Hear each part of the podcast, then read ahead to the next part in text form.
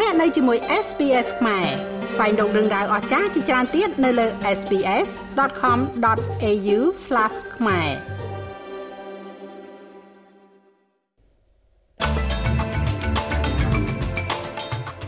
អូស្ត្រាលីលុបបំបាត់ចោលនៅសាលាក្តីរដ្ឋបាលអូតូរដ្ឋាភិបាលសហព័ន្ធផ្ដល់ថវិកាបន្ថែម120លានដុល្លារសម្រាប់សេវាសុខាភិបាលរបស់ជនជាតិដើម First Nation សហភាពអឺរ៉ុបបានដាក់ទណ្ឌកម្មថ្មីៗបន្ថែមទៀតមកលើប្រទេសរុស្ស៊ី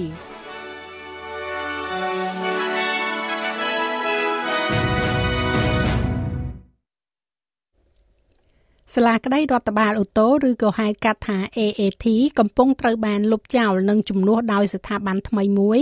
ដែលរដ្ឋាភិបាលសហព័ន្ធនិយាយថានឹងបម្រើផលប្រយោជន៍សហគមន៍កាន់តែប្រសើរឡើង។ អគ្គមេធាវីសហព័ន្ធគឺលោក Mark Dreyfus មានប្រសាសន៍ថាជំហររបស់ AAT ត្រូវបានខូចខាតលើសពីការអាចជួសជុលបាន ដោយដំណើរការតែងតាំងក្រោមរដ្ឋាភិបាលចម្រុះមុន By appointing 85 former liberal MPs failed ដោយការតែងតាំងបុគ្គលិកចំនួន85នាក់ដែលជាអតីតសមាជិកសភាបក Liberal អតីតបុគ្គលិកបក Liberal និងសហការីជិតស្និទ្ធជាមួយនឹងបក Liberal ផ្សេងទៀតដោយគ្មានដំណើរការជ្រើសរើសដោយផ្អែកទៅលើគុណភាពនោះរួមទាំងបុគ្គលមួយចំនួនដែលមិនមានបទពិសោធន៍ឬក៏ជំនាញពាក់ព័ន្ធអតីតរដ្ឋាភិបាលនេះបានសម្របសម្រួល AAT យ៉ាងធ្ងន់ធ្ងរធ្វើឲ្យខូចដល់ឯករាជ្យភាពរបស់សាលាក្តីនេះនិងបំបំផ្លាញគុណភាព និងប្រសិទ្ធភាពនៃការសម្រេចចិត្តរបស់សាលាក្តីនេះសមាជិកព្រឹទ្ធសភាបក Green គឺលោក David Showbridge បានស្វាគមន៍ចំពោះចំណាត់ការនេះដោយនិយាយថាលោកទន្ទឹមរង់ចាំធ្វើការជាមួយនឹងរដ្ឋាភិបាលហើយនិងសហគមន៍ដើម្បីបង្កើតនៅតុលាការយុត្តិធម៌និងឆាប់រហ័សដែលផ្ដល់យុត្តិធម៌ពិតប្រាកដ។ រដ្ឋាភិបាលសហព័ន្ធនឹងផ្ដល់ឲ្យសេវាកម្មសុខភាពរបស់ជនជាតិដើម First Nation ជាមួយនឹងថវិកាជំរុញចំនួន120លានដុល្លារនៅក្នុងកិច្ចខិតខំប្រឹងប្រែងដើម្បីបង្កើនហេដ្ឋារចនាសម្ព័ន្ធជនជាតិដើមភាគតិច។ មូលនិធិនេះនឹងត្រូវបានបែងចែកនៅទូទាំងគម្រោងហេដ្ឋារចនាសម្ព័ន្ធថ្មីចំនួន52គម្រោងក្នុងវិស័យសុខាភិបាល ដែលគ្រប់គ្រងដោយសហគមន៍ជនជាតិដើមភាគតិច Aboriginal និងអ្នកកោះ Torres Strait ដោយផ្ដោតទៅលើ clinic លំនៅឋានបុគ្គលិកនិងលទ្ធភាពរួម Closing the Gap Joint Council កំពុងតែជួបប្រជុំនៅទីក្រុងស៊ីដនីនៅថ្ងៃសុក្រនេះដើម្បីប្រកាសពីកញ្ចប់មូលនិធិជំរុញនេះដែលជាផ្នែកមួយនៃគំនិតព្រួយផ្ដើមដើម្បីផ្ដល់ការថែទាំប្រកបដោយសវត្ថភាពផ្នែកវប្បធម៌នៅទូទាំងប្រទេសអូស្ត្រាលីគេរំពឹងផងដែរថានឹងមានមូលនិធិបន្ថែមចំនួន20លានដុល្លារទៀតនៅដើមឆ្នាំក្រោយ។ រដ្ឋាភិបាលលោក Albanese បានលុបចោលនៅច្បាប់ដែលតម្រូវឲ្យក្រុមប្រឹក្សាសង្កាត់តាមមូលដ្ឋានរៀបចំនៅពិធីចូលសញ្ជាតិនៅចំថ្ងៃបុណ្យ Australia Day ដោយសារហេតុផលប្រតិបត្តិការការផ្លាស់ប្តូរនៅថ្ងៃនេះបានលុបចោលនៅច្បាប់ដែលកំណត់ឡើងដោយអតីតនាយករដ្ឋមន្ត្រីគឺលោក Scott Morrison នៅក្នុងឆ្នាំ2019ដែលលោកបានអះអាងថានឹងបញ្ឈប់ក្រុមប្រឹក្សាសង្កាត់ពីការលេងនយោបាយជាមួយនឹងទិវា Australia Day ។ រដ្ឋមន្ត្រីក្រសួងអន្តោប្រវេសន៍លោក Andrew Gills បានបង្ហាញថាឥឡូវនេះបក Labor នឹងអនុញ្ញាតឲ្យក្រុមប្រឹក្សាសង្កាត់មូលដ្ឋាន ធ្វើពិធីចូលសញ្ជាតិនេះរយៈពេល3ថ្ងៃមុនឬក៏ក្រោយថ្ងៃទី26ខែមករានៅក្នុងអ្វីដែលត្រូវបានពិពណ៌នាថាជាការសម្រេចចិត្តជាក់ស្ដែងដើម្បីធ្វើឲ្យដំណើរការកាន់តែមានប្រសិទ្ធភាពមន្ត្រីពន្ធនាគារនៅមជ្ឈមណ្ឌលកែប្រែ Park Clear ក្នុងទីក្រុង Sydney បានចាប់ផ្ដើមធ្វើកោតកម្មរយៈពេល48ម៉ោងនៅថ្ងៃនេះជុំវិញការព្រួយបារម្ភអំពីសវត្ថភាពនិងអត្រានៃការដំឡើងប្រាក់ឈ្នួលទាប។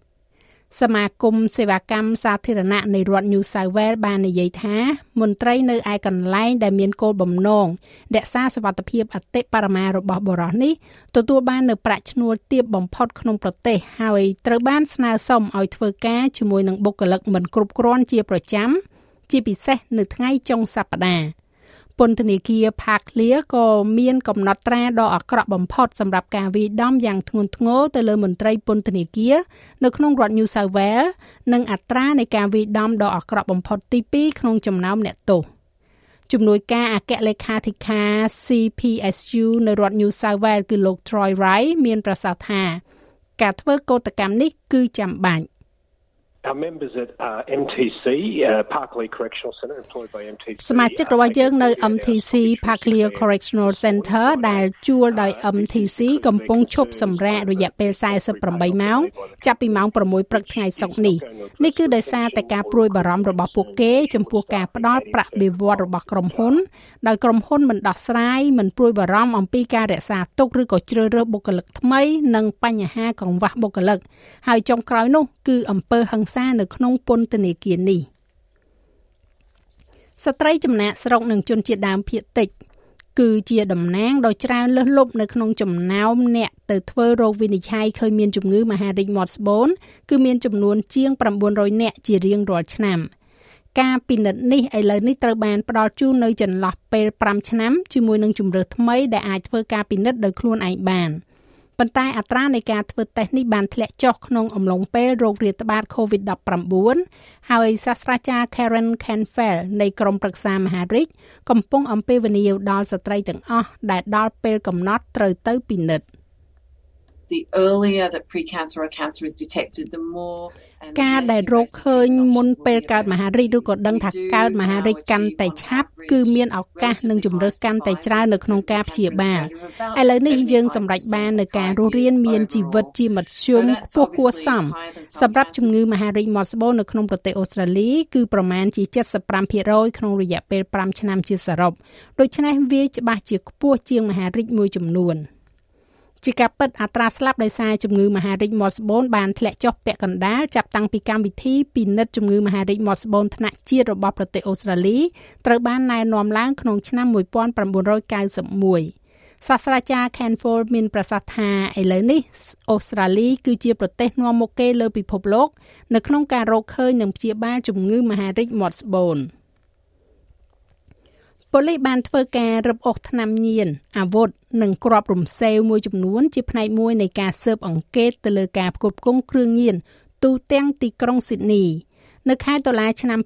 2022ក្រុមស៊ើបអង្កេតមកពី Raptor Squad បានបង្កើតកងកម្លាំងបង្ក្រាប Strike Force Castle ដើម្បីស៊ើបអង្កេតការផ្គត់ផ្គង់និងការចែកចាយថ្នាំហាមឃាត់នៅទូទាំងតំបន់ស៊ីដនី។ កាលពីដើមសប្តាហ៍នេះក្រុមស៊ើបអង្កេតរបស់កងកម្លាំងនេះបានអនុវត្តដោយការឆែកឆេរចំនួន3និងបានចោទប្រកាន់បរិសុទ្ធ3នាក់ពីបទល្មើសផ្គត់ផ្គង់គ្រឿងញៀនដែលត្រូវបង្ហាញខ្លួននៅចំពោះមុខតុលាការនៅឡើយការស៊ើបអង្កេតក្រោមក្រុមកងកម្លាំង Strike Force Cast នេះកំពុងតែបន្តគេជឿថាប៉ូលីសបានរកឃើញសាកសពក្មេងប្រុសអាយុ16ឆ្នាំម្នាក់ដែលបានបាត់ខ្លួនដោយសារធ្លាក់ពីលើទូកខណៈពេលដែលកំពុងនេសាទ ក្មេងប្រុសរូបនេះនិងមិត្តភ័ក្តិរបស់គេម្នាក់ទៀតបានកំពុងនេសាទនៅឯលេខ Mulvala នៅតាមព្រំដែនរដ្ឋ Victoria និងរដ្ឋ New South Wales នៅពេលដែលពួកគេទាំងពីរនាក់ត្រូវបានរលកវាយបោកហើយបានធ្លាក់ពីលើទូកអ្នកដែលមើលឃើញហេតុការណ៍ម្នាក់ដែលមានការព្រួយបារម្ភចំពោះពួកគេបានជួយស្រង់ក្មេងប្រុសម្នាក់ឡើងមកលើច្រាំងវិញបាន ដោយប្រើឧបករណ៍បណ្ដែតទឹកក៏ប៉ុន្តែរោគមិនឃើញក្មេងប្រុសម្នាក់ទៀតនោះទេ គេជឿថាសាកសពមួយដែលគេរកឃើញនៅក្នុងបឹងកាលពីយប់មិញពលគឺ4ថ្ងៃបន្ទាប់ពីកើតហេតុនេះ បានកើតឡើងនោះគឺជាសាកសពរបស់ក្មេងប្រុសដែលបាត់ខ្លួននោះសហភាពអឺរ៉ុបបានទះកំភ្លៀងរុស្ស៊ីមួយដៃទៀតជាមួយនឹងការដាក់ទណ្ឌកម្មថ្មីៗជាបន្តបន្ទាប់នៅក្នុងម៉ោងបិទកិច្ចប្រជុំកំពូលនៅទីក្រុងប្រ៊ុសែល។ មេដឹកនាំ EU បានឈានដល់កិច្ចព្រមព្រៀងលើកញ្ចប់ទណ្ឌកម្មដែលនឹងដាក់បញ្ចូលមនុស្សជិត200នាក់បន្ថែមទៀតចូលទៅក្នុងបញ្ជីខ្មៅក៏ដូចជាការទប់ស្កាត់ការវិនិយោគនៅក្នុងឧស្សាហកម្មរុករករ៉ែរបស់រុស្ស៊ីដើម្បីឆ្លើយតបទៅនឹងការបន្តឈ្លានពានរបស់ពួកគេទៅលើអ៊ុយក្រែន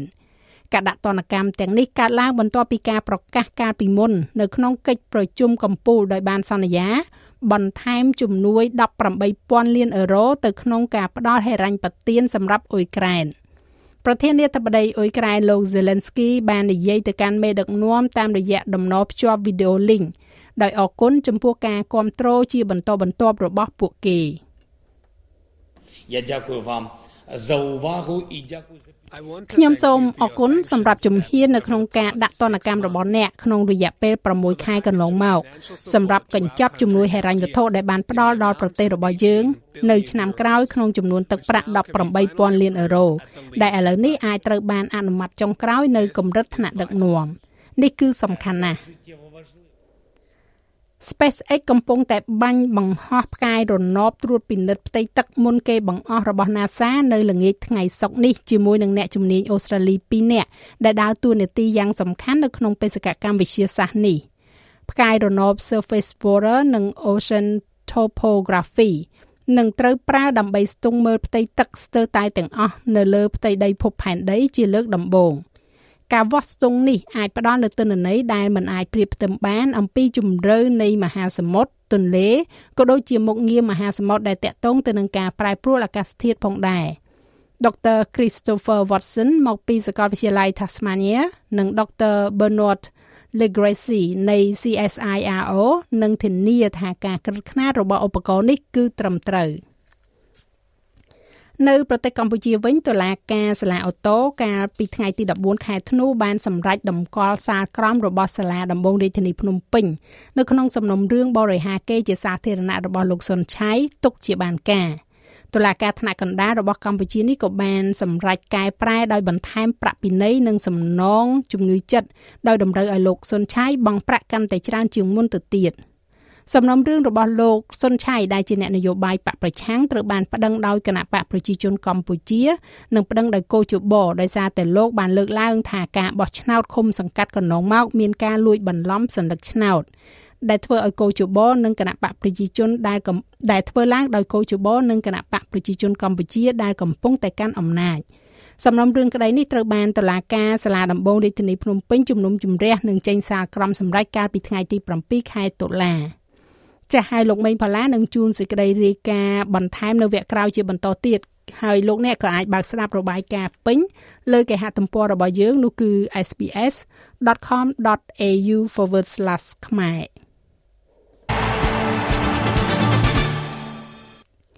នៅក្នុងព័ត៌មានកីឡាបាល់ទាត់ World Cup បន្ទាប់ពីបរាជ័យដ៏គួរឲ្យភ្ញាក់ផ្អើលរបស់ប៉ូទុយហ្គាល់នៅក្រោមដៃរបស់ម៉ារ៉ុកនៅក្នុងការប្រកួតវគ្គ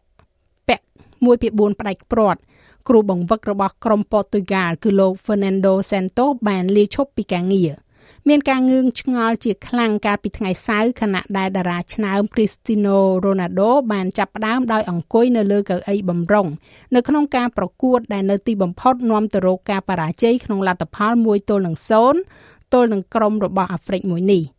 សហព័ន្ធកីឡាបាល់ទាត់ប៉ូទុយហ្គាល់បានបញ្ជាក់ថាភាគីទាំងសងខាងបានយល់ព្រមបញ្ចប់កិច្ចសន្យា ដើម្បីឲ្យក្រុមនេះចាប់ផ្ដើមជុំថ្មីចំណែកឯអត្រាប្តូរប្រាក់វិញ1ដុល្លារអូស្ត្រាលីមានតម្លៃប្រមាណជា67សេនដុល្លារអាមេរិកត្រូវនឹង2760រៀលប្រាក់រៀលខ្មែរ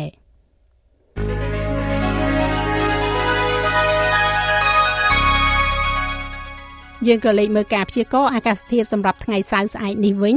ទីក្រុងផឺតបើកថ្ងៃ31ដូចគ្នានៅអាដាលេដ28មានពពកដោយពេលនៅមែលប៊ន22នៅហូបាតរលឹមបន្តិចបន្តួច17អង្សា នៅខេនបេរ៉ាពពកដោយពេល21អង្សាស៊ីដនីរលឹមបន្តិចបន្តួច21អង្សា អាចនឹងមានរលឹមនៅ Brisbane 25អង្សា Cairns រលឹមបន្តិចបន្តួច32អង្សា ដូចគ្នានៅ Darwin 33អង្សា ទីក្រុងភ្នំពេញមានពពកដោយពេល33អង្សា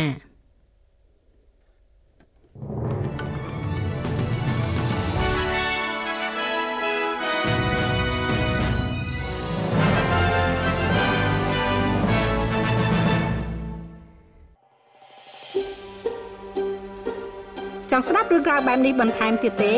ស្ដាប់នៅលើ Apple Podcast Google Podcast Spotify ឬកម្មវិធីដទៃទៀតដែលលោកអ្នកមាន។